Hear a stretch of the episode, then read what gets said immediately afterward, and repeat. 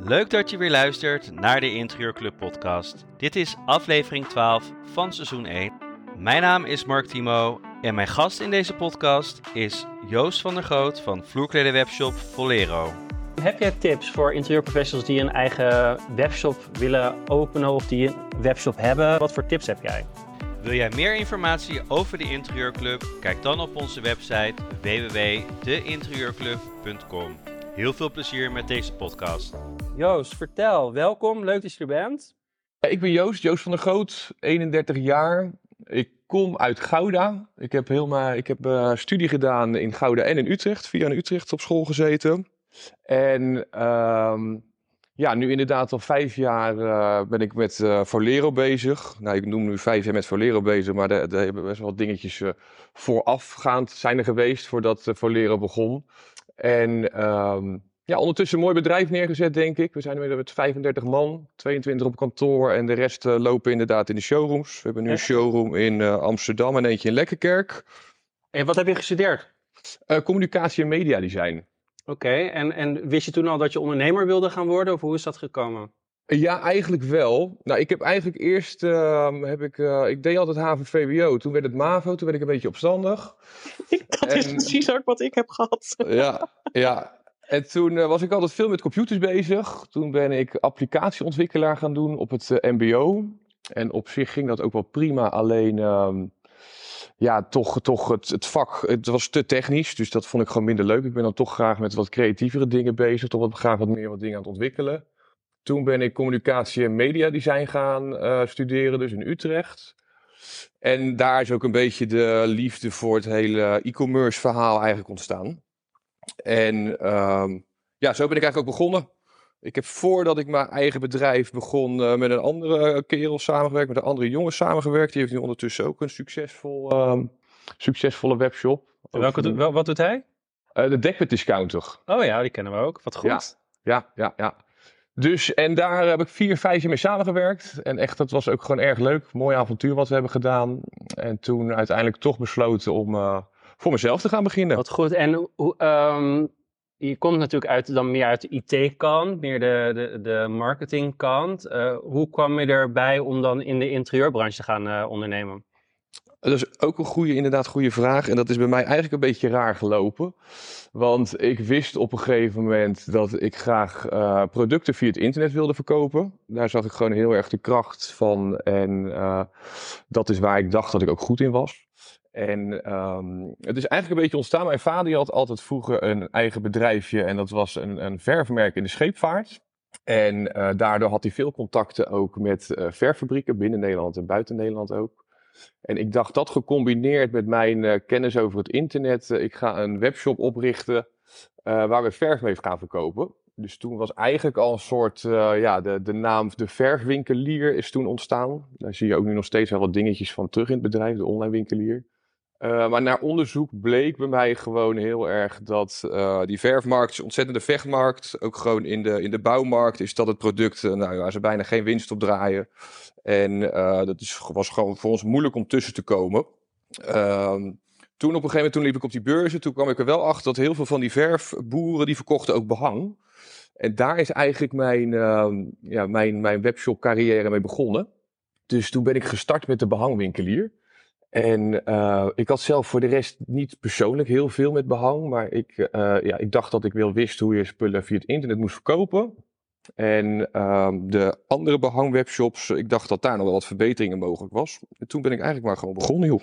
En toen behang heb je toen uh, gekozen, maar uiteindelijk ben je dus in, in de vloerkleden terechtgekomen? Ja, daar zit ook nog weer een weg tussen. Ja. Ik heb toen ongeveer negen maanden uh, echt alleen behang verkocht. Ging wel goed. Toen moest je denken dus aan een ordertje of uh, 15 tot 20 per dag. En dan echt gewoon zo kleinschalig dat je gewoon lekker zelf naar de Bruna loopt, weet je wel. En als je dan ook, uh, als het regende en dan werden al je, al je dozen weer nat, dan mocht je weer terug, mag je alles weer opnieuw inpakken. Echt dat... ondernemen vanaf het begin eigenlijk? Ja, echt helemaal bij nul beginnen inderdaad. En sterker nog, ik werkte er toen gewoon nog bij door webshopjes en websites te maken voor anderen. En dat geld, dat, dat stopte ik eigenlijk dan altijd weer in de behangwinkelier. Want zeker het eerste jaar uh, kost het meer geld dan dat het dat opleverde. Laat staan dat je er gewoon zelf een salarisje uit. Maar met de behangwinkelier, uh, ik wilde iets meer tractie. Ik wist dat er nog wat meer mogelijk was. En toen lukte me dat met behang eigenlijk net niet. Toen ben ik. Uh, en weet, je ook waarom, weet je ook waarom dat niet lukte? Lastig te zeggen, lastig te zeggen. Ik denk dat dat een beetje te maken had met. Um, uh, dat, dat ook, het is best nog een technisch product. Dus daardoor verkoopt het via het internet gewoon wat moeilijker. Waar ik op een gegeven moment ook tegen liep, was uh, de verfbladnummers. Daar had ik eigenlijk ook nooit bij stilgestaan. Uh, maar daardoor had ik eigenlijk heel veel winkeldochters waar ik op een gegeven moment niks meer mee kon. En um, ja, omdat het een wat technischer product was, heb je gewoon wat meer overtuigingskracht nodig op het internet. En dat kon ik op dat moment gewoon ook nog niet bieden. Ook niet met, uh, met het geld, laat maar zeggen, wat ik erin kon stoppen. Maar ik had al wel het webshopje, dat draaide allemaal al. Uh, toen had ik ook al een samenwerking met een logistieke partner, een fulfillmentbedrijf. En toen ben ik eigenlijk relatief snel, dus na negen maanden, begonnen om uh, woonartikelen gewoon in de brede zin ook toe te gaan voegen. Waaronder dus vloerkleden, maar dat was eigenlijk net zo gericht op, uh, op stoeltjes, salontafeltjes, lampjes. Gewoon alles in de hele brede zin. Dus je bent eigenlijk van een soort van niche eigenlijk breder gegaan. Ja, ja. ja. werden we wat meer de generalist inderdaad. Ja, klopt. En toen is de woonwinkelier ontstaan. En toen we de woonwinkelier hadden, toen begon het echt wel een beetje te lopen. En dat, dat kwam omdat ja. je breder ging? Of uh, dat, dat je de marketing anders deed? Of hoe, waarom? Ja, nou in, dat, in die tijd is ook weer een compagnon erbij gekomen. Wij doen het met z'n tweeën. We zijn twee eigenaren van het bedrijf. En uh, wij zijn allebei ook gewoon... Onze achtergrond is best wel een beetje het online marketing verhaal. Dus die inzet werd toen gewoon beter. En op dat moment hadden we ook voor ons gevoel gewoon een beter product. Wat we op, die, op dat moment beter konden vermarkten. En uh, zo is eigenlijk ook, ja, gek genoeg, steeds meer de focus op het product vloerkleed ontstaan. We hadden na een tijdje misschien vier categoriepaginaatjes met, met stoelen. Op het begin hadden we er misschien twee met vloerkleden. Op vloerkleden zaten al heel snel twintig. En de rest bleef eigenlijk een beetje stilstaan. Dus eigenlijk het is eigenlijk een beetje zo ontstaan uh, dat, dat, dat je uiteindelijk ja. voor vloerkleden bent uh, gegaan. Ik ben er een beetje ingegroeid eigenlijk, ja. Ja, ja wat klopt. grappig. Ja. Hele mooie keuzes allemaal inderdaad moeten maken in het ondernemerschap. Want je zag in ieder geval nog dat je meer wilde. En dat het, dat, dat het nog niet was wat, het, wat, het, wat je eigenlijk voor ogen had. Nee, nee, klopt. En ik denk dat daar eigenlijk heel veel mensen tegenaan lopen altijd. En uh, mijn, mijn advies is ook altijd van, joh, begin nou maar. Ook al heb je nog misschien op het begin niet echt het uh, idee dat uh, dit het gouden idee is of zo. En dan loop je vanzelf tegen dingen aan ja, die je verder helpen. En als je, als je niet begint, dan ga je er sowieso niet tegenaan lopen. Dus er gebeurt er helemaal niets. Absoluut waar. dat is sowieso uh, waar. Ja. ja, absoluut. En, en, je bent toen inderdaad van uh, de woonwinkelier, uh, ben je toen meer een niche gaan... Je hebt, ja. Eigenlijk heb je een niche gevonden in vloerkleden. Klopt, klopt. Toen heb je ook je naam veranderd. Lijkt me ook wel spannend, of niet? Een hele spannende tijd was dat inderdaad. Ik was zelf ook het minste fan ervan. Ik, we waren toen met een mannetje of zes, zeven. En toch echt best wel wel een bedrijfje. Dan moet je denken aan nou, tussen de 8 en de 12.000 euro omzet per dag ongeveer. Dus het begon echt wel een beetje te lopen. Het was, uh, we deden leuk mee. Alleen uh, ja, klopte de, de propositie, die klopte gewoon helemaal niet meer met wat we aan het doen waren. Eigenlijk wat er bij de behangwinkelier gebeurd was, waar we wat breder gingen, gingen we nu eigenlijk juist meer de diepte in. Maar iedereen dacht dat ze bij een, gewoon een woonwinkel kochten. Maar ja, eigenlijk waren we in die tijd al een, uh, gewoon een vloerkledenspecialist. Want ik denk 80% van wat we verkochten was vloerkleed. En bijna alle, alle marges die we maakten waren ook op de vloerkleden. Dus toen er toch voor gekozen om uh, ja, ons helemaal op die niche te gaan specialiseren. En inderdaad de naam te wijzigen. En dat is eigenlijk nog maar 2,5 jaar uh, geleden, ruim 2,5 jaar geleden. Volgend jaar maart, april, we Zo we kort nog maar, joh. Ja. Voor mijn gevoel eh, heb ik die namen al veel langer in mijn hoofd zitten. Nou, dat is een goed teken. Dat is een goed teken, inderdaad. Dan gaat het lekker met je marketing ook. Ja, klopt. Ja, ja. Dus nee, toen... een, een, hele wijziging inderdaad aangebracht. Hoe, hoe is dat helemaal gegaan? Ja, dat is wel een heel groot project geweest toen ook hoor. Ook een beetje omdat je eigenlijk met dezelfde mensen je dagelijkse dingen gewoon uh, draaiende moet houden. En daar, dat was eigenlijk al kiele kiele. En daarnaast ben je natuurlijk op de achtergrond heel de tijd bezig met die naamswijziging. En uh, je hebt ook veel doorverwijzingen op het internet. Dus het gaat ook niet alleen over het creatieve stukje wat je moet invullen. Maar ook gewoon een heel groot technisch, uh, procesmatig verhaal wat er dan veranderd moet worden. Maar uh, ja, toch ervoor gekozen om het te doen. En toen zijn wij op 2 april uh, omgegaan met de naam. We zouden eigenlijk op 1 april, maar toen dachten we, straks denkt iedereen dat het een grapje is. Dus toen zijn we op 2 april omgegaan. ja, mooi. Ja, we zien, wij zien ook veel interieurprofessionals die uh, ja, toch wel kijken van, moet ik een niche of moet ik juist geen niche? Um, omdat ja, te ge generalistisch kan het heel lastig zijn om de juiste klanten te vinden, of dat de klanten jou kunnen vinden. Um, jij hebt dat dus wel heel duidelijk gedaan, van, maar je bent heel erg gaan zoeken. En dat is wel heel mooi, mooi om te, te zien, dat je eigenlijk een soort van, ja, eigenlijk bent gaan ondernemen en gaan kijken van waar zit dan... ja, waar, waar gaan we naartoe? Ja. Precies. Ja. Nee, het was geen uh, bewuste keuze. En het was ook niet zo, dat zeg ik ook wel eens, dat ik vroeger al heel veel voorliefde had voor het product vloerkleed, hoor. Zo eerlijk moet ik wel In, Inmiddels wel. nou, ik ben het wel echt leuker begonnen eh, te vinden, inderdaad. Ja, ja, ja, je, ja, je moet toch wel in een wereld gaan duiken. Uh, je moet er wel veel meer van af gaan weten, lijkt mij, als je met, uh, met vloerkleden aan de slag gaat ineens. Ja, nee, klopt. Ja, op het begin sta je er gewoon echt heel bleu in. Ik weet nog goed hoor, dan op het begin is het ook gewoon moeilijk om leveranciers te vinden. Overtuig ze maar eens. En uh, dat je gewoon op de beurs liep en dat je naar de achterkant van de kleed aan het kijken was. En dat je dacht, oh ja, dit lijkt best wel op wat ik nu ook al van de andere leverancier verkoop. Misschien is dit ook wel wat. Gewoon dus dat je helemaal die productietechniek, et cetera, nog niet weet. Maar goed, vanzelf al gaande en al doende word je daar steeds Heb je er ook fouten in gemaakt in de inkoop? Dat je dacht, oh, ik heb nu iets gekocht ja, nou, niet extreem grote fouten gelukkig. Wij, wij, baseren heel veel keuzes die we doen, doen we altijd op basis van, uh, van cijfertjes, hè, van data. En dat is heel fijn, omdat je op het internet heel veel dingen na kan kijken natuurlijk. Uh, heb je niet heel vaak dat je gewoon echt onwijs miskoop doet. Natuurlijk heb je wel eens dingen ingekocht uh, waar je minder makkelijk van afkwam als dat je zou willen. Maar het is nog niet dat het één keer helemaal mis is gegaan of zo. Nee. Gelukkig, gelukkig. En waar, waar komt het vandaan? Waar komt, komen jouw spullen vandaan? Of is dat heel divers? Eigenlijk heel divers. Ja, over groot alle vloerkledenlanden, om ze maar zo even te noemen, die, die er zijn. Dus het gaat, het gaat op basis van uh, het soort materiaal. Dus wij halen veel machinaal geweven vloerkleden uit uh, België en uit Turkije. Uh, veel natuurlijke producten halen we uit, uit India. Dan moet je denken aan katoen, jute, wol, sisal, sisal. En dan halen we ook nog wel wat dingen uit Indonesië. En ook nog wat dingetjes uit China. Dus moet je daar zelf ook heen of dat, doe je, dat laat je iemand anders doen? Uh, nee, dat doe ik zelf ook. Want ik vind het zelf ook een van de leukste dingen om te doen. want dan komt het weer een beetje bij gewoon het, het ondernemend creëren. Of dat dan een nieuwe webshop is of een nieuwe collectie vloerkleden. Dat is voor mij eigenlijk een beetje om het even. Alleen uh, ja, vanwege de corona's is het allemaal wat lastiger tegenwoordig natuurlijk als dat het vroeger oh, was. Ja. Joh. ja, ja, ik denk dat meer mensen daar wel last van hebben hoor. En hoe doe je dat nu dan? Want je kan dus, en je hebt een tijd niet af kunnen reizen naar die landen. Hoe, hoe doe je dat? Nee, ik heb die mensen toen allemaal in het echt ontmoet via beurzen. En we hebben nog wel één of twee keer gehad um, dat zij onze kant zijn opgekomen. En toevallig nu bijvoorbeeld voor aankomende februari zijn we een trip aan het plannen om zelf dan uh, naar India te gaan. Maar bijvoorbeeld Turkije, die, die, dat hebben we nog wel kunnen bezoeken uh, voordat het hele coronaverhaal uitbrak. En uh, België, dat is natuurlijk iets makkelijker te bereizen. Dus maar India en China, op die manier uh, heb ik nog niet bezocht. Nee. Oké, en, en waar staat Volero, nu eigenlijk? want je vertelde net hoeveel medewerkers je had. Kun, kun je daar nog iets meer over vertellen? ja hoor, ja. nou, wij zijn de, dus de, de grootste niche webshops in vloerkleden van Nederland. En ehm, ja, wat ik net al zei, hè, twee showrooms, kantoor. We zijn nu druk bezig met een nieuw kantoor.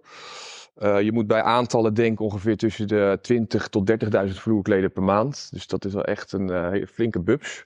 20.000, 30.000, wauw.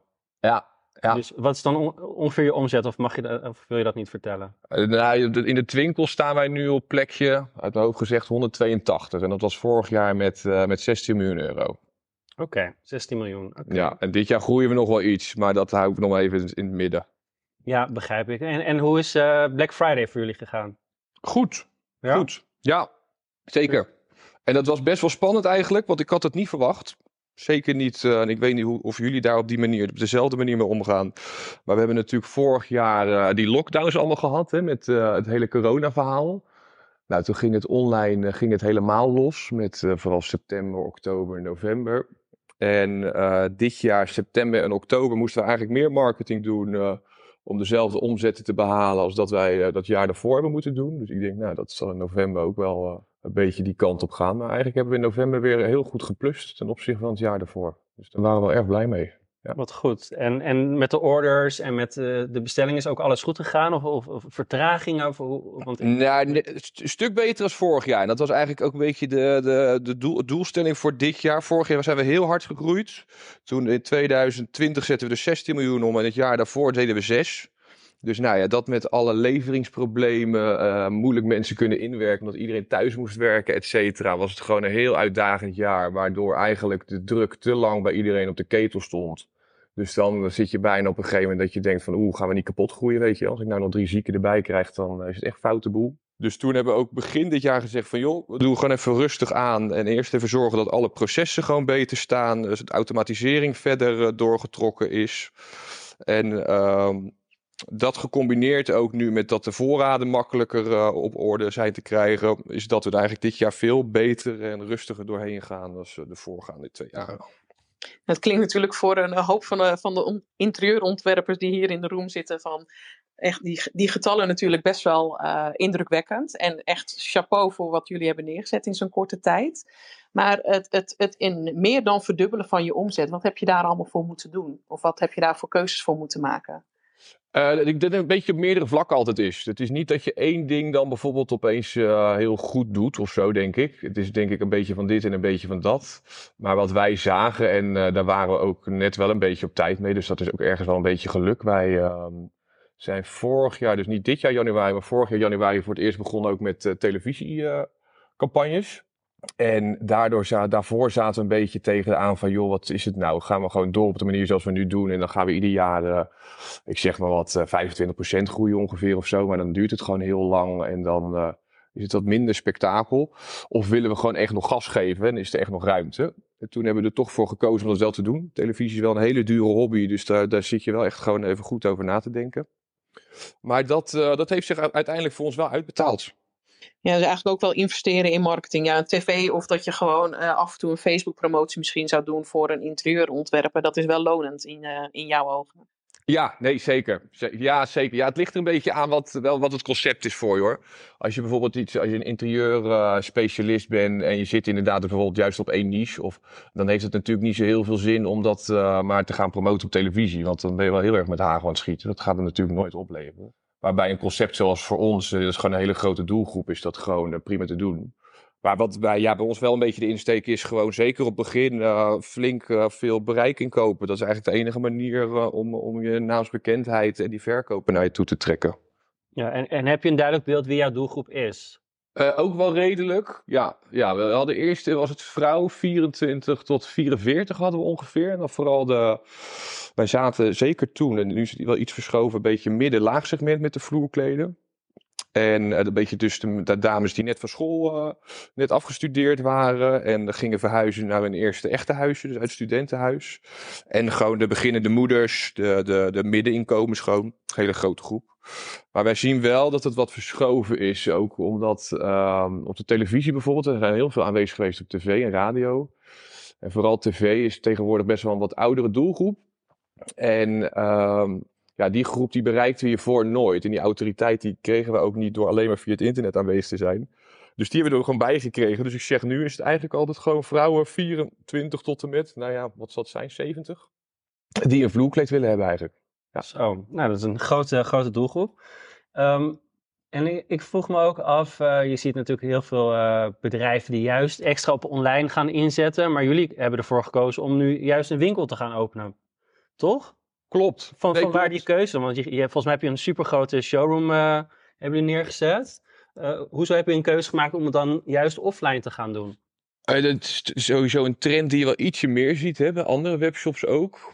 En uh, bij ons zagen gewoon, het ligt er ook weer een beetje aan in welk product je zit. Maar ons product, uh, zeker als je dus wat hoger in het segment ook wil gaan zitten. Voor mij is een hoger segment, dan praat je bijvoorbeeld over 500 euro voor een, normaal maatje vloerkleed. Een 1,60 bij 230.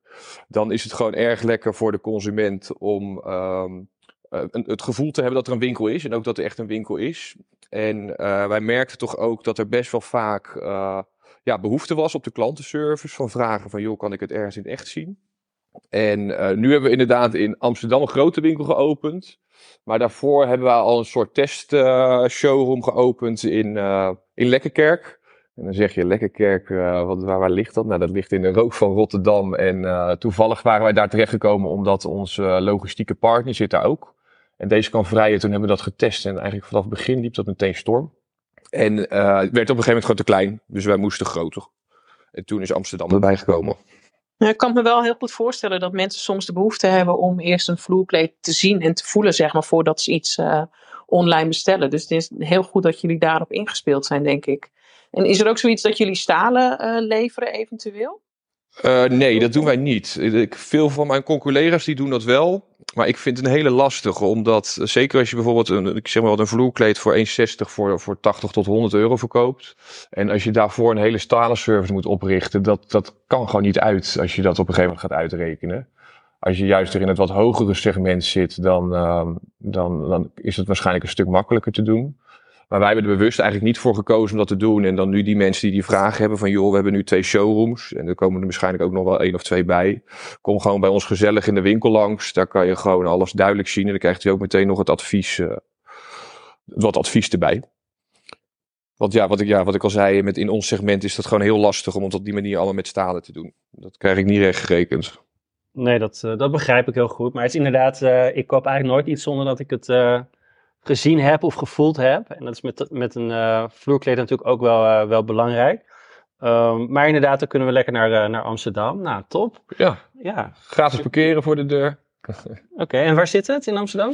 Uh, langs de A2 is dat. Dus dan heb je dat Fletcher Hotel, weet je, als je bij Zuid naar binnen komt gereden. Ja. En uh, ze noemen het A2 Woonplaza, dus dat is Zuidoost. En daar, dat, ja, wij zitten daar naast de Beterbed. Uh, dus gewoon zo'n soort winkelcentrum met een Gamma, Quantum, Leembakker, Prenatal, Volero dus, Beterbed. Zo'n zo'n hoek, zo moet je zien. Goed, wat goed. leuk. En um, ik ben ook nog wel meer nog geïnteresseerd in, in de, de marketing kant. Um, want hoeveel procent van jullie omzet gaat naar marketing?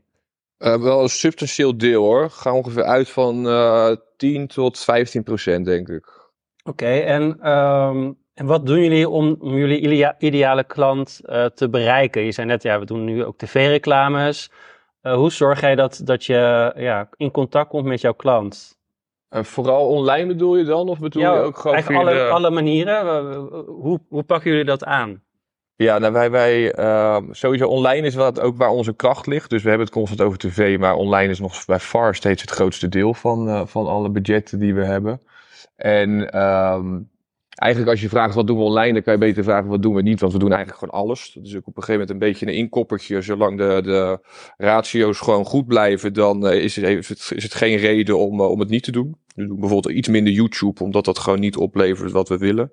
En hoe doen wij dat? Wij uh, hebben op, bij ons op kantoor zitten vooral de creatieven, om het zo te zeggen. Dus die uh, doen alle creatie van alle fotografie, alle teksten worden daar bedacht, de concepten ook.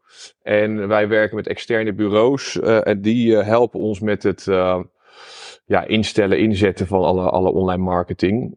En dan één keer per week hebben we gewoon een overleg. wat gaat er wel goed, wat gaat er niet goed, wat gaan we testen, et cetera. En online marketing, dus eh, kun je wat voorbeelden noemen? Uh, dus Google Ads, denk ik. En, ja. Uh, hoe pakken jullie dat aan? In de vorm van, hoe, ja, dat, dat is eigenlijk allemaal nu ingesteld. En dat is gewoon constant een testen van uh, campagnes. En dan wordt op een gegeven moment wordt het aan een tijdje wel een heel technisch verhaal.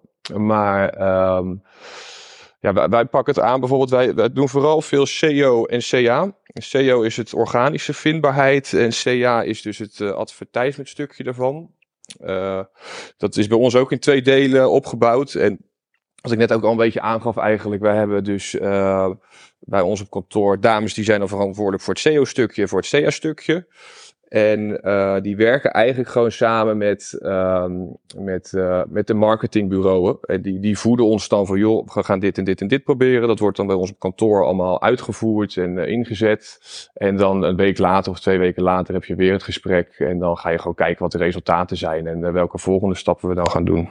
Ja, dus, dus voor degenen die SEO, CA niet kennen. SEO is inderdaad dat je website, uh, als, als iemand gaat googlen, dat je goed vindbaar bent. Zodat je eigenlijk uh, bovenaan komt. En CA is echt uh, de Google Advertisement.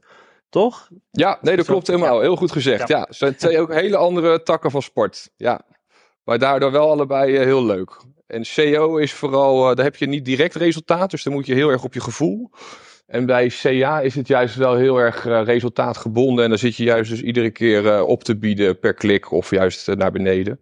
Want je wil natuurlijk eigenlijk altijd gewoon zo'n ja, rendabel mogelijke campagne. En zijn dat ook de dingen waar je meteen vanaf de start in geïnvesteerd hebt? Om in die marketing dat helemaal goed neer te zetten? Ja, eigenlijk wat ik ook al zei, dat is ook onze achtergrond. En ja, zonder dat is het gewoon heel lastig zeker op het begin ben je eigenlijk vaak meer geld kwijt als dat je wat verder bent. Kijk, wij beginnen nu wel iets meer uh, naamsbekendheid te maken. Dan krijg je ook gewoon wat meer verkopen van mond op mond. Maar ja, op het begin heb je dat niet. Dus dan moet je gewoon meer investeren in die marketing. En dan, eh, ja, mijn gedachte is er altijd bij. En dat is wel een beetje ontstaan bij die andere jongen waar ik samen heb gewerkt. Als iedere euro 2 eh, euro kan worden, dus hè, met alle kosten eraf en je omzet, et cetera, je verzending. Ja, dan geef ik liever 100 euro op een dag uit als 5 euro. Want dan, uh, ja, dan verdien je 200 euro per dag. Ja, dat levert dan meer op inderdaad. Ja, dus dat, dat is het mooie van het internet. Het is heel schaalbaar. Dus uh, op een gegeven moment, uh, als je goede campagnes hebt, dan is het gewoon, doe de kraan maar open totdat hij ja, totdat hij niet meer goed gaat lopen. En dan, dan stop je er weer mee. Of dan ga je hem iets anders bijstellen. Oh, jij wilde nog meer ook over de marketing weten. Ja, ja de e-mail marketing. Ik heb, ik heb ooit bij Verleren ook wel eens iets besteld. En voor een klant was dat een uh, buitenkleed uh, voor op, uh, op het terras. Um, en um, daarna kreeg ik best wel veel e-mails van jullie over aanbiedingen, um, et cetera. wat is jullie strategie daarin? goeie vraag ook. Goeie vraag. Klopt inderdaad, wij mailen. Nou, wij, wij, hadden ongeveer een mailfrequentie van vorig jaar iets minder, maar dit jaar van één keer per week. Dus je krijgt één keer per week krijg je de algemene nieuwsbrief. Uh, wij zijn hem nu wel ietsje gaan, uh, ja, laten we zeggen, het volume wat gaan ophogen. Dus we zitten nu ongeveer op anderhalf keer per week. Dan ga je natuurlijk met zo'n Black Friday week eh, wel zwaar overcompenseren. Maar dan nu houden we weer tien, tien dagen tot twee weken gewoon, dan gaan we niet mailen. Zo moet je dat dan maar weer een beetje zien. En eigenlijk doen wij met e-mail marketing nu um, ja, het, het bazaal, om het zo te zeggen. Dus wij doen nu een, uh, een, nieuwsbrief wekelijks. Uh, je hebt bij ons een, mailtje dat is geautomatiseerd waarop we gaan vragen van... joh, wat vind je van de bestelling, van de kwaliteit van het product en van de levering? Uh, we hebben een verjaardagscampagne lopen, zoals ze dat noemen. Dus dan krijg je wat korting met je verjaardag. Als je een half jaartje tot een jaar niet bent geweest, dan krijg je een mailtje van... joh, vergeet mij niet. En dat zijn eigenlijk, als je het in nieuwsbrieftermen uitspreekt, of in e-mailtermen uitspreekt, alle, gewoon alle standaard geautomatiseerde campagnes. Uh, we hebben nog wel heel veel dingen op de plank liggen waar we van weten van joh, daar kunnen we eigenlijk nog veel meer mee gaan doen. Alleen uh, ja, hebben we daar gewoon nog geen tijd voor gehad om dat helemaal uit te rollen. En dan moet je wat meer denken aan het, het wordt steeds allemaal steeds gepersonaliseerder op het internet.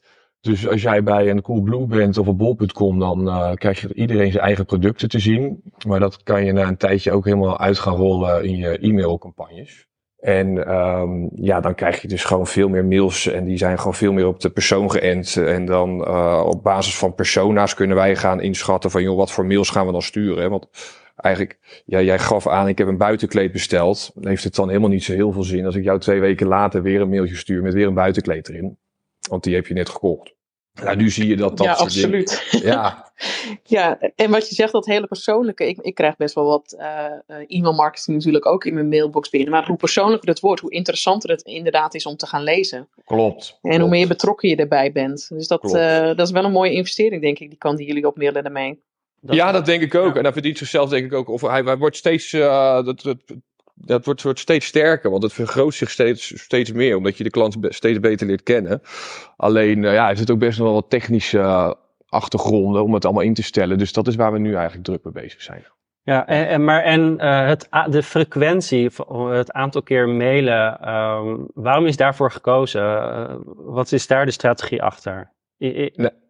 Ja, goede vraag ook. Eigenlijk als je die automatisering dus nog verder eroverheen wil leggen, dan uh, ga je ook gewoon de frequentie ook in groepen indelen. Sommige mensen die bijvoorbeeld twee keer per week een mail krijgen, maar nog twee keer openen en um, ook, die blijft ook goed converteren. Dus daar komt ook gewoon nog de goede omzet uit. Ja, waarom zou je die na een tijdje niet drie of vier keer gaan mailen zelfs? Want diegene vindt het gewoon relevant en interessant.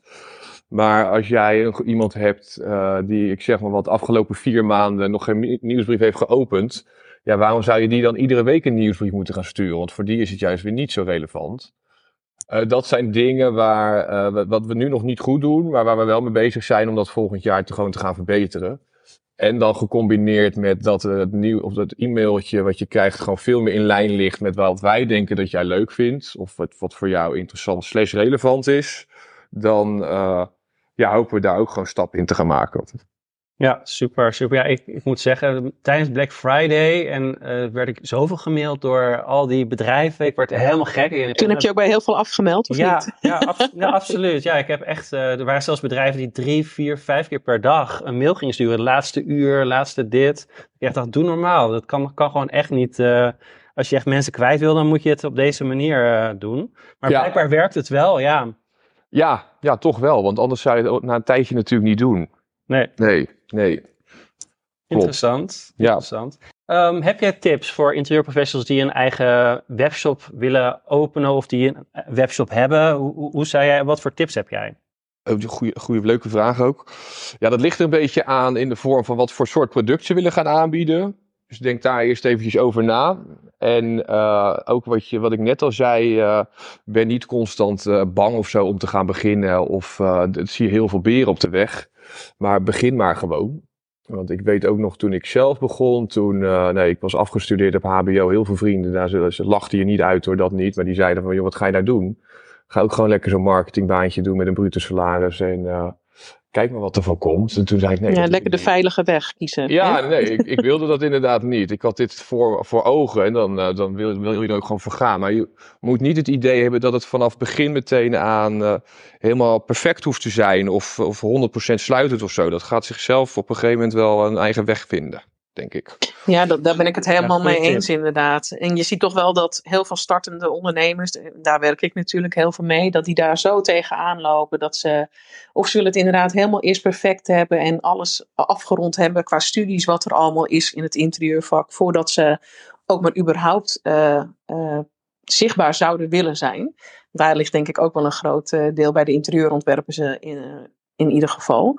Maar wat jij zegt, ja, het klopt helemaal. Ga gewoon doen en gaandeweg je, uh, leer je vanzelf en ontdek je vanzelf uh, welke kant je op moet met je bedrijf. En ik vind dat jij, met wat je nu uh, eventjes kort al verteld hebt, dat je dat echt wel heel mooi, mooi gedaan hebt. Met hoe je gestart bent en waar je nu staat, moet je kijken, joh. Want ja, nee, dat is ook zo hoor. En dat is gewoon ook, het is ook gewoon hartstikke leuk. Je moet gewoon even de stoute schoenen aantrekken. En ook, er gaan heel vaak ook dingen niet goed hoor. Maar daar moet je maar gewoon ook mee om proberen te gaan. En uh, altijd een beetje wat grotere plaatje blijven zien. En het ook gewoon als een avontuur zien. Dus niet altijd alleen maar de dingen benadrukken die niet goed gaan. Maar ook de dingen juist die wel goed gaan. Uh, daar af en toe uh, ja, juist de nadruk op leggen. En het een beetje vieren af en toe ook. Wat goed. Toch wil ik even naar de dingen die niet zo goed gaan. Ja. Um, wat de, zijn dingen... de nieuwsbrieffrequentie. Oh nee, nee, nee. Oh, nee. dus ik ben ook niet de doelgroep, dus misschien is, gaat het daar al mis. nou, je hebt wel wat gekocht, dus dat is wel Ja, dat is waar, dat is waar. Ja. Um, ja, jij bent geen 44-jarige vrouw, hè, Martin? Oké. Okay. Um, dus even kijken. Ik wil het hebben over uh, de struggles, de, de, de, de dingen. natuurlijk gaan er dingen niet, niet, uh, soms niet goed.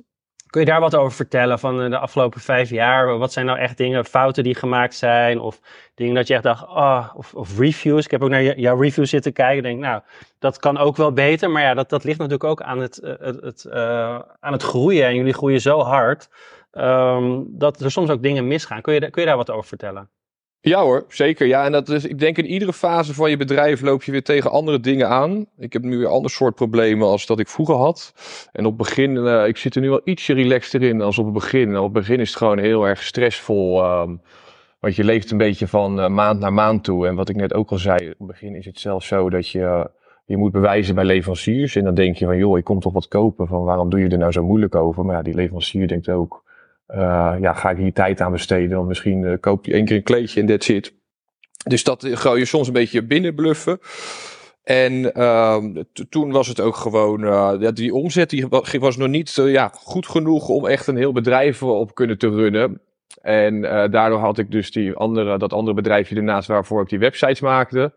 En in die tijd was het gewoon nog heel moeilijk, omdat je dan steeds meer verschillende dingen met balletjes in de lucht moet houden. En dat, dat werkt gewoon niet. Dus ik was heel blij dat ik binnen een jaartje toen uh, eigenlijk gewoon vol ervoor kon gaan. Dus echt die focus daarop. Ja, het is 100% focus. En dat, dat, dat uitzicht bij ons dus bijvoorbeeld zelfs al in de productkeuze. Gewoon, toen wij de keuze hadden gemaakt om die vloerkleden te doen, dan, toen kwam er veel meer rust binnen het bedrijf en mensen snapten het ook veel meer. Focus komt inderdaad ook altijd heel vaak uh, naar voren. Ook Jenny heeft het daar uh, heel ja, vaak over. Het is de eerste module van mijn coachingstraject. We gaan ja. meteen met focus beginnen, want ja, anders ja, dan ben je gewoon de weg kwijt als je niet weet waar je op moet gaan richten. En als je gewoon keuzes maakt op de juiste gebieden en terreinen, ja, dat, dat helpt je gewoon enorm om, om een goede groei of om een goed bedrijf neer te gaan zetten. Ik ben fijn dat je dat ook aanhaalt, Joost. Ja, en ik denk ook gewoon inderdaad, als je nergens voor kiest, uh, als je geen keuzes maakt, dan gebeurt er eigenlijk ook helemaal niks. Dus geen keuzes maken is nog slechter dan de verkeerde keuze maken, zeg maar. Oh, absoluut. Als je de verkeerde keuze maakt, dan kan je daarna altijd wel weer proberen. Daar leer je van en dan uh, neem je daarna een andere keuze en dan ga je kijken hoe die weer uitpakt. Ja, klopt. Klopt, klopt. En, waar ik daarna ook vooral een beetje tegenaan liep, en dat was voor mij gewoon heel erg nieuw. En dat had dus ook ermee te maken dus dat we zo hard groeiden. Uh, was op een gegeven moment gewoon het stukje manage het maar allemaal is. Mijn, mijn werk is toen gewoon binnen een jaar echt helemaal uh, omgeschoven van zelf heel uitvoerend naar eigenlijk veel meer uh, zorgen dat alles in de goede banen geleid wordt. En uh, ja, dat, dat, dat, dat wordt op een gegeven moment ook van, van je verwacht, hè, die rol. Maar ja, pas jezelf maar zo snel aan. En toen gecombineerd ook nog met wat uh, langdurige zieken bij ons op kantoor, maakte wel dat het een uitdagend jaar was. Maar uiteindelijk is het allemaal goed gekomen. En, nu, uh, nu hebben we nog steeds ook struggles hoor, zeker. zeker. Dus vooral uh, ook gewoon uh, het stukje personeel is, is en blijft een uitdaging. Ik denk dat jullie daar ook allebei wel over mee kunnen praten. Want je, je... Heb, heb, je vaste mensen in dienst of werk je op freelance basis of dat soort dingen? Nee, eigenlijk alleen maar vaste mensen. Ja. ja. ja. en daar sta ik ook juist heel erg achter. Ik snap ook niet soms van die bedrijven, dat zie je heel veel in de retail gebeuren is dat iedereen na twee uh, jaar, was dat vroeger, en nu is dat drie jaar, na tijdelijk een contract ontslagen wordt. Want ik denk juist dat het grootste gedeelte van de waarde van je bedrijf zijn de mensen die bij je werken. En uh, dat, dat laten wij bijvoorbeeld ook terugkomen met de, gewoon bijvoorbeeld onze klantenservice. Dat zijn allemaal dames die zitten er vaak al langer als twee jaar, tweeënhalf jaar. Nou, dat zie je bij heel veel webshops eigenlijk niet gebeuren. Maar wij, wij willen ze ook echt opleiden. Dus als de klant dan belt, willen we wel kunnen vertellen wat voor soort vloerkleed het is. En uh, wat, uh, wat de positieve eigenschappen ervan zijn. Maar ook de negatieve. Dus gewoon dat we de juiste vragen stellen om die klant op de juiste manier te kunnen helpen. En dat, dat krijg je niet door constant maar iemand een halfjaartje ergens neer te zetten en dan uh, weer iemand anders daar neer te gaan zetten. Nee. nee, dan ben je ontzettend veel tijd en geld kwijt om een, om een nieuw persoon weer te gaan opleiden. Ja, en het is denk ik ook gewoon niet leuk. Nee. nee. Nee, het is veel leuker om daar gewoon een goed mooi team van, uh, voor neer te kunnen zetten. En met z'n allen wat moois te bereiken. Dan uh, ja, gewoon allemaal, allemaal van ja, dat je, dat je dat allemaal gewoon wat uh, onpersoonlijker aanpakt. Ja, denk ik ook. Wat, wat ik net nog eventjes uh, uh, wilde vragen, van, mis je dat hele uitvoerende stuk ook van je werk? Of ben je juist dat stukje regie wat je nu hebt, is dat iets wat veel interessanter is? Een beetje tweedelig ook. Aan de ene kant vind ik het heel leuk wat we nu aan het doen zijn. Maar op het begin had ik er best wel veel moeite mee dat ik constant mensen naar me keken. En dat ik dan dacht van, oh, ze hebben het gevoel dat ik niks aan het doen ben, weet je wel. Want ik was niet meer uh, dus uh, de mailtjes zelf aan het beantwoorden of de inkooporders. Ja, het is minder zichtbaar en aantoonbaar wat je doet, hè? Klopt, ja. klopt. En dat maakt het op het begin heel moeilijk. Want ja, je gaat toch je een beetje spiegelen ook. En dan denk je, oh jee. Maar na verloop van tijd had ik eigenlijk al vrij snel voor mezelf ook helder dat ik daar wel in moest veranderen. Want anders dat, dat, dat ging dat niet. En dat verwachten ze ook niet van je. Dus dat, uh, dat ging op een gegeven moment eigenlijk wel goed. Dat heeft wel een halfjaartje gekost. Ja, opeens moet je die moet je, ja, medewerkers gaan, uh, gaan managen. Dat is natuurlijk weer een hele andere ja, tak voor sport. Ja. ja, eh, klopt, klopt. En wat ik nu nog steeds wel zelf heb, is dat ik vind nieuwe dingen opzetten dus eigenlijk het leukst. En ja, je kan iedere keer een heel nieuw bedrijf opzetten, maar je kan ook binnen je bedrijf constant nieuwe dingetjes doen. Uh, denk gewoon aan een nieuwe collectie opzetten. Uh, we zijn bijvoorbeeld naar zo'n nieuwe showroom. Dat was dan een project wat ik zelf uh, samen met een collega helemaal hebben opgepakt. voor volgend jaar bijvoorbeeld hebben we weer folero.de wat op de plank ligt. Ja, en daar krijg ik zelf altijd gewoon heel veel energie van. dat ik denk van de folero.de, dat is eigenlijk gewoon weer een nieuwe webshop die je mag opstarten. Dus dat is Duitsland, neem ik aan. Ja, dat is Duitsland, klopt. En, dus jullie gaan Duitsland veranderen? Ja, nou dat, dat gaan we wel proberen in ieder geval, ja. Ja, of we het echt gaan veroveren, weet ik nog niet. Maar... Hoezo? Waar, waar twijfel je dan over? Uh, lastig nog, ook gewoon uh, voor ons weer een onbekende markt. En uh, ik heb natuurlijk wel onderzoek ernaar gedaan, maar ik ben ook benieuwd hoe die consument ons assortiment gaat waarderen, om het zo te zeggen. Ben ik ja, het is weer een andere mentaliteit natuurlijk weer in een ander land. Dus dat, we moeten altijd maar weer kijken hoe dat, ja, je hebt dat oppakken. Ik denk een beetje met smaak te maken. Ja. Mensen in Duitsland die kunnen net andere dingen weer mooi vinden als in, in Nederland. Ik denk dat dat zelfs in Duitsland ook wel per, per deel verschilt hoor. Ja, maar ik denk wel, zoals jij met, met je data continu bezig bent, dat je daar wel iets in gaat vinden wat de Duitsers in ieder geval goed gaan vinden. En dat je je daarop gaat focussen. Ja, daar. hoop ik ook. hoop ik ook inderdaad. En ook daar is het gewoon maar weer, we gaan gewoon beginnen. En een hele lage investering op begin. Dus uh, geen grootse dingen. Niet meteen televisiecampagnes of radio, et cetera. Nee, gewoon uh, kleinschalig beginnen. De markt ontdekken en uh, vanuit daar je stappen weer gaan maken. Exact. We hebben nu alleen het voordeel dat het hele logistieke gedeelte, et cetera, en de backbone en de productkennis en zo er allemaal staat. Maar voor de rest is het eigenlijk gewoon weer een beetje daar opnieuw beginnen. En hoe is je Duits? niet zo heel goed. Een beetje. Nee, een beetje, ja. Nee, maar wij hebben wel een, een native speaker aangenomen voor Duitsland. Ja, interessant. En um, wie zijn eigenlijk jullie concurrenten? Hoe zie je dat? In Nederland is het een beetje tweedelig.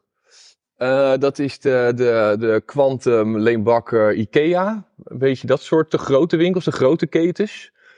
Maar dat zijn, uh, zeg ik altijd, geen niche-spelers. Maar die verkopen wel uh, de, de stuks die ze verkopen in de aantallen waar wij ze ook in verkopen.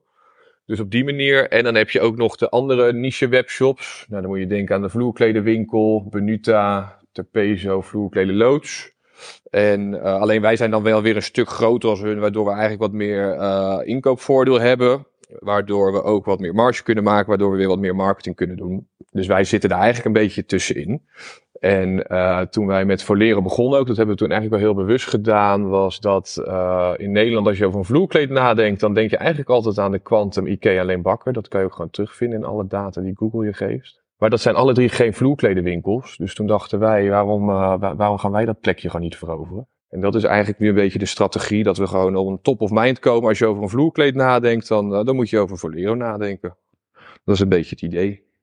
En, en hoe gaat het proces met nieuwe producten aanbieden op je webshop? Hoe pakken jullie dat aan? Uh, we beginnen ook altijd heel klein en ook heel erg op data gebaseerd. Dus we kijken waar zitten er nog gaten bij ons in het assortiment en uh, op welke manier kunnen we dat het beste aanvullen. En dan gaan we op data van onze eigen webshop, maar ook gewoon algemene data die bekend is, uh, gaan we kijken bijvoorbeeld wat voor kleuren zijn interessant en wat voor ontwerpen, wat voor maten, et cetera. En dan gaan wij eigenlijk altijd uh, um, nog uh, testen bij ons op de webshop ook. Dus dat is niet helemaal eerlijk, maar dan hebben we een product en die testen we gewoon een week lang. Van joh, wat gaan de verkopen nou doen? En dan zet je een paar, uh, ja, gewoon wat, wat, wat die aantallen naast elkaar. En als ze dan boven verwachting goed doen, dan ga je het uiteraard inkopen. Maar als het helemaal niet loopt, dan gaan wij het ook niet inkopen. En dat is waardoor we gewoon wat minder, ja, wat minder missies hebben. En je kan op deze manier ook heel makkelijk de verhoudingen uh, ingeschatten. Het is eigenlijk verkopen voordat je het product al hebt. Ja. En dan kijken of het, uh, of het uh, haalbaar is om het, om het daadwerkelijk aan te gaan. Ja, en dan gaat hij een tijdje weer van de website af. En dan ga je dus kleinschalig inkopen. En op basis daarvan gaat het product gewoon zijn weg vinden. Ja, interessant. En de merken die jullie op je website hebben staan, uh, van, van vloerkleden, zijn dat jullie eigen merken of zijn dat merken die al bestaan en die jullie dan aanbieden? Wij hebben één eigen merk, dat is Fraai. Dus dat is F-R-A-A-I in de vorm van een fraaie vloerkleedje. Ja. En dat is ook Fraai Home Living. En dat gaat eigenlijk weer een beetje terug op uh, de woonwinkelier die we hiervoor hadden. Want dat was eerst dus een Home Living merk geworden. Maar dat wordt dus nu Fraai Carpets. En dat is ook het meeste wat we verkopen. En uh, daarnaast hebben we ook gewoon nog heel veel andere merken uh, die we aanbieden. En die... En dat ja. zijn de gerenommeerde merken. Denk aan uh, Brinker, Brinker Kampman, Louis de Poorte, et cetera. Maar ook gewoon wat kleinere, onbekendere merken. En kopen jullie die dan zelf in? Of krijgen je dan commissie als jullie die via de website verkopen? Hoe werkt dat? We kopen allemaal zelf in. Dus wij hebben een magazijn in Lekkerkerk liggen met heel veel stuks. En als het eh, bij ons op voorraad is, dan heb je het gewoon de volgende dag eigenlijk in huis. Dus wij zijn gewoon een voorraadhoudende webshop. Aha, interessant. En um, hoe, eh, wat zijn jullie toekomstplannen? Wat, wat wil je met Valero gaan bereiken? Je hebt net al verteld dat je, dat je naar Duitsland wil uitbreiden. Uh, wat is er in Nederland nog te halen? En wat, wat is er nog verder? Wat zijn jullie doelen? Wat, wat zijn jullie plannen? Ook een leuke vraag. Uh, voor Nederland uh, verder gaan op de manier zoals we nu doen. En uh, nog meer die niche claimen. Ik denk dat we al heel erg op de goede weg zitten, maar we zijn eigenlijk ook nog lang niet. En daarbij al dus ook nieuwe landen gaan ontdekken. Want ik denk wat wij in Nederland doen, dat dat ook in andere landen ja, prima kan. En daar ligt voor ons denk ik echt een groei. In Nederland, uh, ja, na een tijdje is, is het toch wel een max aan wat je kan. Ja, het ligt er misschien ook aan of er al in die andere landen al een vloerkleden specialist online is of niet. Ja, ook. En dat zie je in andere landen ook al wel. Maar ook zie je daar dan soms toch nog wel kansen liggen. Oké, dus dat, uh, de kansen zijn er in ieder geval. Het is mooi hoe, uh, hoe data-driven uh, jullie zijn. Dat, dat is denk ik ook wel een groot onderdeel van jullie succes. Um, ik ben ook wel benieuwd, wat, wat gaat er nog aankomen qua trend zeg maar, met vloerkleders? Hou je je daar ook mee bezig? Ja, en dat had ik eigenlijk nooit verwacht dat ik dat op die manier ging doen. Maar ik ben dat je met trends ging bezighouden. Ja, nee, ik ben er gewoon best wel geïnteresseerd in ook. Ook overal waar ik naar binnen loop ben ik onder het vloerkleed aan het kijken waar die van is en hoe het werkt. Heel raar is dat. Ik denk als je schoenen verkoopt zie je iedereen zijn schoenen Ja, dat had ik dat ik bij Adidas werkte inderdaad. Ja, dus ik zit naar iedereen zijn vloerkleed te kijken. En dan zien ze wel eens naar je te kijken ook van wat is die nou aan het doen joh. Maar goed, Maakt ook niet uit. Nee, uh, trends zeker. wij hebben ook veel dames bij ons op kantoor. En die zijn wat ook meer met de trends bezig. Onze hoofdinkoop is bijvoorbeeld ook een dame. En uh, niet dat alleen dames ermee bezig kunnen zijn, helemaal niet. Maar um, we gaan ook naar beurzen en andere dingen, et cetera. We hebben veel contact over met leveranciers. Want die bepalen een beetje mede met jou de trend natuurlijk. En wat wij nu zelf veel, al veel zien is dat uh, op gebied, uh, vroeger was veel vintage, maar dat wordt steeds moderner. En uh, je ziet ook heel veel uh, ja, wat zachtere kleuren, veel toch crèmig terug. Bijvoorbeeld wollen vloerkleden bij ons gaan nu heel erg goed. Beetje die zachte zandtinten allemaal. En uh, wat wij ook nog steeds als een trend zien, is het groen. Dus een beetje toch het mosgroenige-achtige verkoopt allemaal gewoon heel erg goed. En wij zien dingen zoals okergeel. En dat, dat neemt juist weer heel erg af bij ons. Hmm. Ja, het, gaat, het, beweegt zich inderdaad mee met de trends die je natuurlijk in de hele uh, woonwereld en interieurwereld ziet. We gaan willen allemaal wat meer die zachtere materialen, die ronde vormen. En dat vertaalt zich natuurlijk ook terug in uh, wat, wat je bij jullie natuurlijk ziet dan uh, in, uh, in wat Ja, en ik, ik denk dat voor heel veel dingen zijn overal wel gewoon altijd nog markt voor. Die, je hebt natuurlijk dan de Japan die trend geloof ik, zo even uit mijn hoofd gezegd. Klopt, ja. dat is gewoon dus inderdaad hè, met heel veel rustige tinten en rustige vormen dat Scandinavische, dat, dat, blijft ook gewoon nog steeds. En um, ja, dat, wat, het wordt, het wordt naar mijn idee allemaal wat natuurlijker als dat het was. Dus wat meer natuurtinten, natuurkleuren. Dat heb je inderdaad uh, heel goed. Uh, dat, dat, is inderdaad uh, wat, wat er aan gaat komen. Meer or organisch, meer inderdaad natuurtinten. dus dat, dat zitten jullie op de goede weg. Heel goed. Gelukkig. um, ik denk en... dat jullie mij meer kunnen vertellen over die trends als ik jullie hoor, denk ik. Hoe is jullie samenwerking met interieurprofessionals? Eh, haal jij zelf ook interieurprofessionals uh, naar jouw bedrijf toe? Of hoe, hoe, hoe, doe je dat? Nou, eigenlijk nog minimaal. En dat was ook een van de redenen waarvoor ik gewoon dit gesprek in ging. Ik wil dat meer gaan doen. Ook gewoon omdat ik die kennis meer binnen mijn bedrijf wil hebben. En uh, ook, wij, staan eigenlijk best wel open voor bepaalde samenwerkingen. Ook met bekende interieurontwerpers. Van joh, uh, kanalen en het verkoopkanaal al om vloerkleden aan te bieden. Dus misschien is het ooit ergens wel mooi om een keer uh, een samenwerking met een interieurspecialist of een interieurontwerper op te starten. Om eens te kijken van joh, wat er daar nog mogelijk is. Nou, interessant. Dat, voor de luisteraars, ja, mocht je daarin geïnteresseerd in zijn, dan moet je Joost even een mailtje sturen. Ja, um, kan altijd. Ja, toch? Ja. Uh, verder, um, wat wil je nog meer uh, kwijt uh, aan onze luisteraars? Heb je nog dingen die wij gemist hebben? Nee, niet zo heel veel. Nee, nee. Nee, nee ja, wat ik al zei in het begin ook. En het begin gewoon, het is echt wel leuk. Het is een leuke avontuur. En um, ja. Ja, en wat maakt Volero uniek, vind jij? de plek die wij nu in de markt innemen. Dus uh, wat ik al zei, uh, wij zijn een, uh, de niche webshops, dus de, de grootste aanbieder in Nederland van, op het gebied van vloerkleden. En ook assortiment technisch. En ehm, laten we zeggen, in de, in de aantallen die we verkopen, is het dus van de grote jongens, waardoor we het ook voor die prijzen kunnen aanbieden. Maar wel met het uitgebreide assortiment van de specialist en ook de kennis die je verwacht van een specialist. Dus op die manier hebben wij een apart plekje gewoon in, in de vloerkledenmarkt. Ik las nog wel in een interview dat uh, je wilde niet gezien worden als een stoffig tapijthuis. Dus dan ben ik, ben ik nog benieuwd van hoe wil je dan wel het liefst gezien worden? Uh, gewoon als een trendy uh, vloerkledenwinkel. Ja. Ja. Nou, ik denk dat jullie daar heel goed mee, uh, mee bezig zijn om dat zo neer te zetten met wat je zegt. Alle, dat, alle dat ging ook meer toen over de, de winkel hoor. Want wij oh. hebben de winkel is eigenlijk een soort afspiegeling gewoon van de webshop zoals die is. En uh, je denkt er heel snel als je aan een vloerkledenwinkel natuurlijk nadenkt over de ouderwetse persenhuizen die je vroeger had. Alles uh, in hele hoge stapels, gewoon allemaal vierkant naast elkaar. Maar wij hebben juist gewoon echt een beetje een, een, soort ervaring van gemaakt. Dus het staat allemaal heel erg speels door elkaar, kleine stapels. Uh, het is echt gewoon een uitje als je bij ons langskomt in de showroom. Iedereen krijgt een kopje koffie, stroopwafeltje erbij. Dat was hem weer, de Interieurclub podcast. Heel erg bedankt voor het luisteren en tot volgende week.